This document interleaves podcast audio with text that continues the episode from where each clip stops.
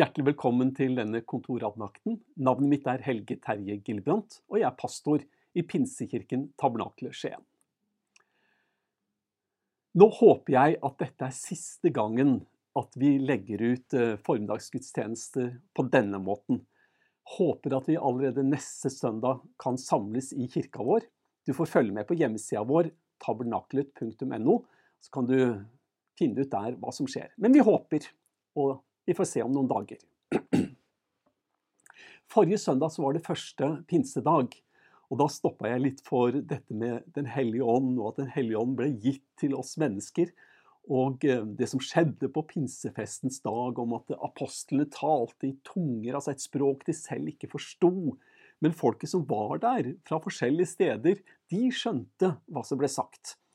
Og eh, dette var jo oppfyllelsen av et løfte som eh, Jesus hadde gitt til apostlene, om at de skulle få en kraft når Den hellige ånd ble gitt til dem. Men jeg vil fortsette med egentlig å stoppe for hvordan blei det etterpå? Blei det så fantastisk som vi av og til tenker, eller eh, blei det hverdager for eh, de første kristne også?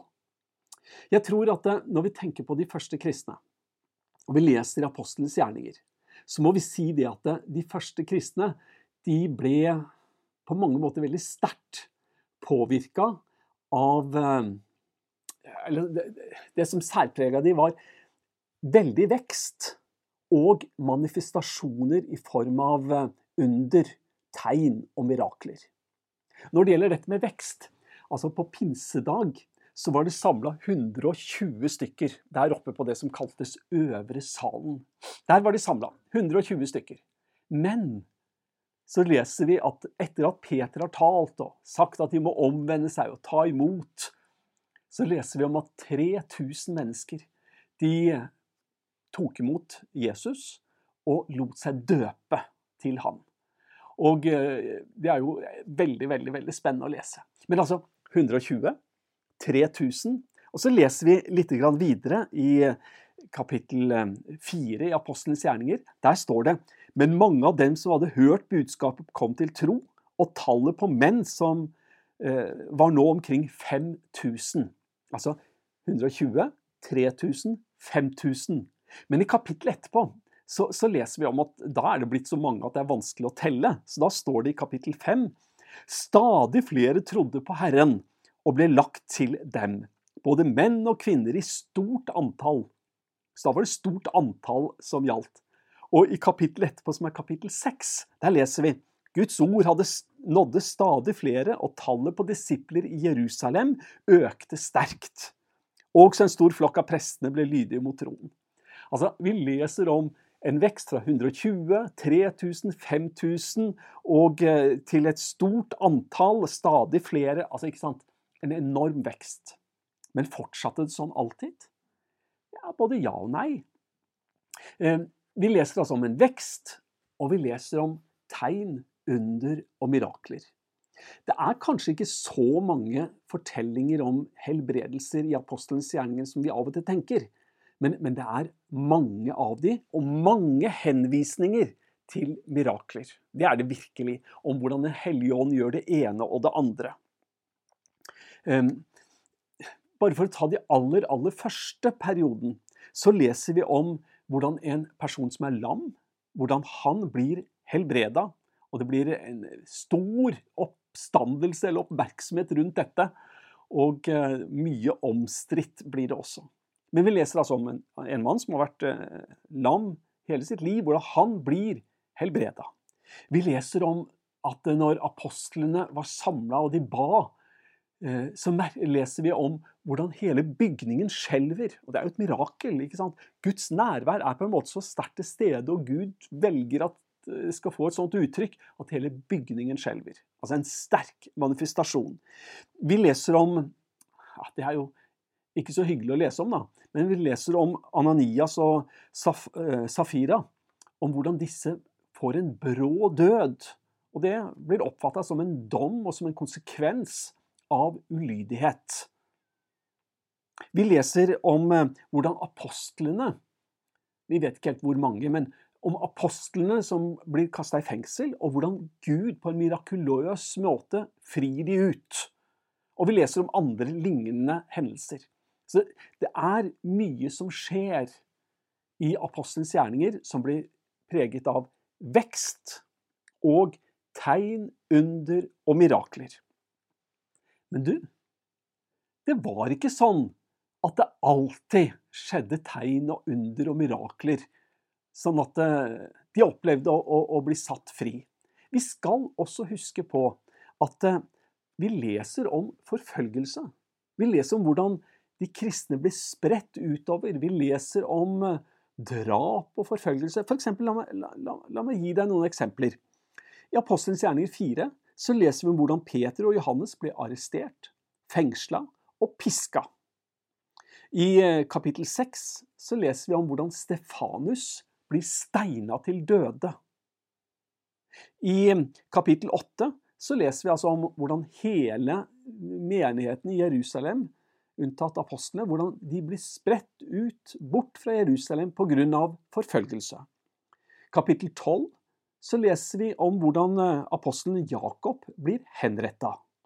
I kapittel 14 så leser vi om hvordan Paulus blir steina. Men nærmest mirakuløst så overlever han. I kapittel 16 så leser vi om hvordan Paulus og Silas blir satt i fengsel. Hvordan de blir piska, og hvordan de blir mishandla. I kapittel 21-28 så leser vi om hvordan Paulus sitter arrestert i Roma og venter på at rettssaken mot han skal eh, finne sted. Og mange andre lignende hendelser kunne jeg også ha nevnt. Paulus han lister opp litt av den forfølgelse han opplevde, sånn helt personlig. Så forteller han om at han fem ganger opplevde å bli piska, og han ble piska så hardt at han fikk 39 slag. Fem ganger opplevde han det. Og det er jo ja, det er, jo, det er, jo, en sånn forferdelig tortur at det var ofte at folk kunne til og med omkomme under den type pisking. Han forteller om at han tre ganger ble slått med stokker. Han forteller om at han eh, forliste tre ganger da han var ute med båt, og båten gikk ned. Han forteller om at han en dag, eller en gang så var han i hvert fall eh, skipbrudden på en eller annen flåte eller noe sånt. da, i et døgn før han ble redda. Han forteller at han ofte var søvnløs, og at han var sulten, at han var tørst, at han var kald og frøys. Altså, jeg sier dette her for at det, når vi snakker om at pinsen har vært der, og Den hellige ånd er utgitt, og vi leser om kraft, og vi leser om under, så er ikke det hele bildet. Vi leser om en tid med forfølgelse, smerte, lidelse, kamp. Vi leser om at mennesker om, øh, blir utsatt for drap, og slett ikke blir utfridd på den måten at det, eh, når de ber, så sender Gud en engel og, og, og ordner alt sammen. Altså, Vi leser om en hverdag som var nokså byrdefull, for å bruke det ordet. Og vi leser om sykdom. Det er ikke sånn at nødvendigvis alle ble helbreda, at ingen ble syke i Det nye testamentet og i den første kirke. Det virker ikke sånn i det hele tatt. Ehm, for det første, Paulus han omtaler i 2. Korinterbrev kapittel 12 noe som kalles hans torn i kjødet. altså, hva nå det er, det vet vi ikke. Og ingen vet det. Så hvis noen er skråsikre på det, så Ja, så det er ingen som kan vite. Men det kan være at det var eh, en sykdom som han hadde. Det kan være andre ting også. Men i alle fall, det var noe som plaga han. Og Paulus sier at han ba igjen og igjen og igjen om at uh, dette som plaga han, skulle opphøre. Men Gud valgte å ikke imøtekomme hans bønn. Paulus skriver i 2. Timoteus kapittel 4 og vers 20. og Det virker ikke som at det var noe problem for Paulus å fortelle åpent og oppriktig om, om dette med sykdom. Han skriver der Eh, at han forteller altså om eh, Trofimos, som hadde vært syk, og, og, og, det står Trofimos lot jeg bli igjen i Miletos fordi han ble syk. Ja, det, sånn står det. Og for Paulus som underviste om kraft og underviste om helbredelse og underviste om bønn, For han så var det helt uproblematisk å skrive dette i 2. Eh, Timoteus kapittel 4 og vers 20.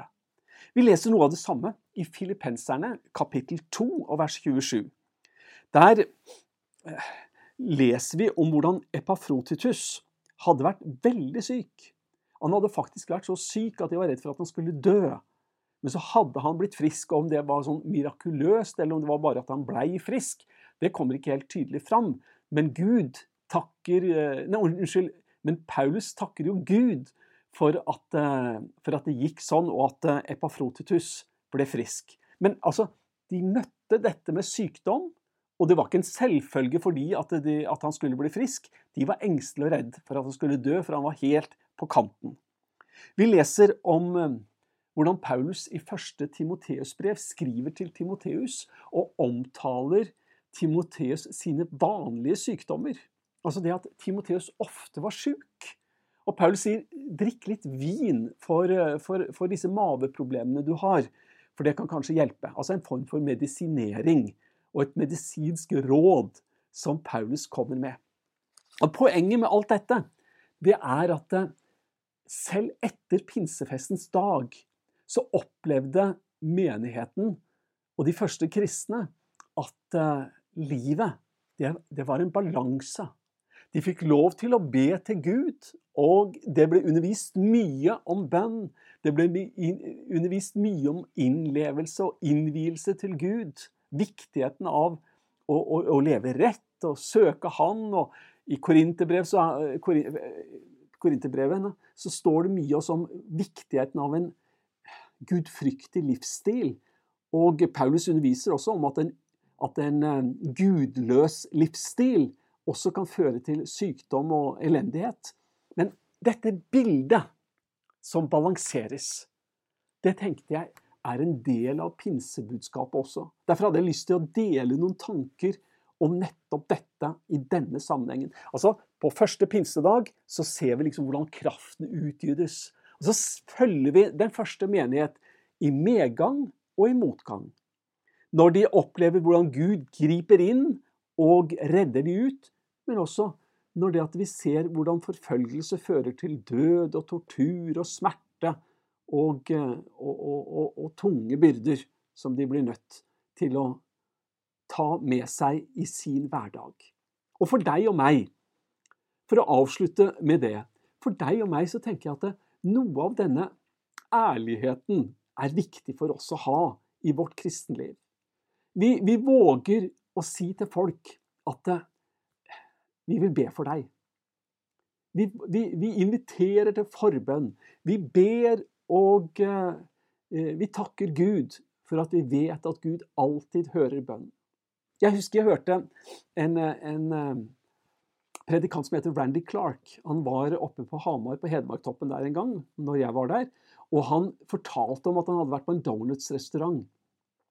Så var det ei der som hadde vært sjuk, eller var sjuk, og sa jeg tror jeg må gå hjem. Jeg har så vondt i hodet, og jeg er ikke, jeg er ikke i form. Jeg tror jeg vil gå hjem. Og så forteller Randy Clark at han har sagt, men du, jeg er en kristen.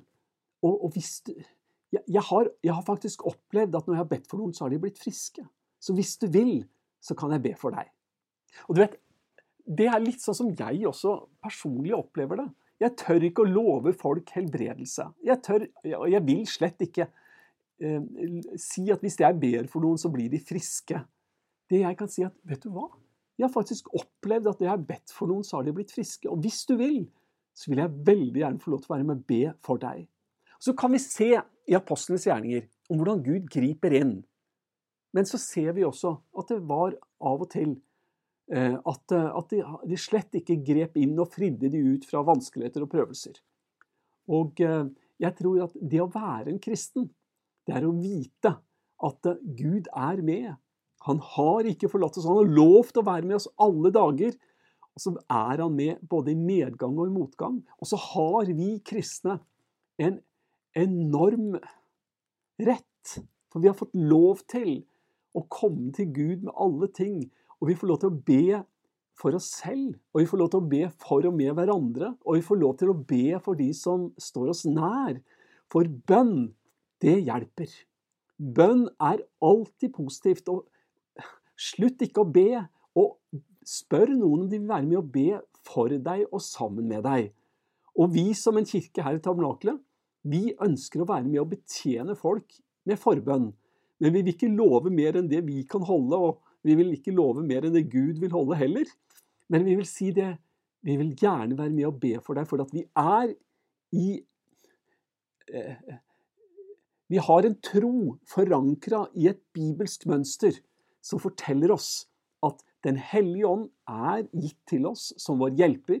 Det er en kraft i å be til, til Gud i Jesu navn, og vi får lov til å komme til Han med alle ting.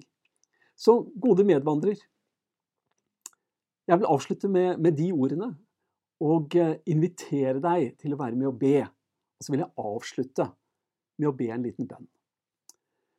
Kjære gode Gud i himmelen. Takk for at du vet om alle de som hører på dette, og som kanskje har ting som er vanskelig i sine liv. Både sykdom og andre ting som, som er en plage. Du vet om de som ber for mennesker som står de nær, og som kanskje ikke har det så lett. Og, og nå takker jeg deg for at vi alle sammen kan komme til deg med alle ting. Vi tror du hører bønn. Takk for at vi får lov til å komme. Takk for at du hører de bønner som kanskje den enkelte ber nå. Takk for at du er alltid hos oss. Kjære gode Jesus, takk for frelsens gave. Takk for den kjærlighet som vi vet aldri tar slutt. Takk for at vi kan kalles Guds barn og vite at det er vi. I Jesu navn. Amen. Gode medvandrer, ta imot Herrens velsignelse. Herren velsigne deg og bevare deg. Herren la sitt ansikt lyse over deg og være deg nådig. Herren løfte sitt ansikt på deg og gi deg fred.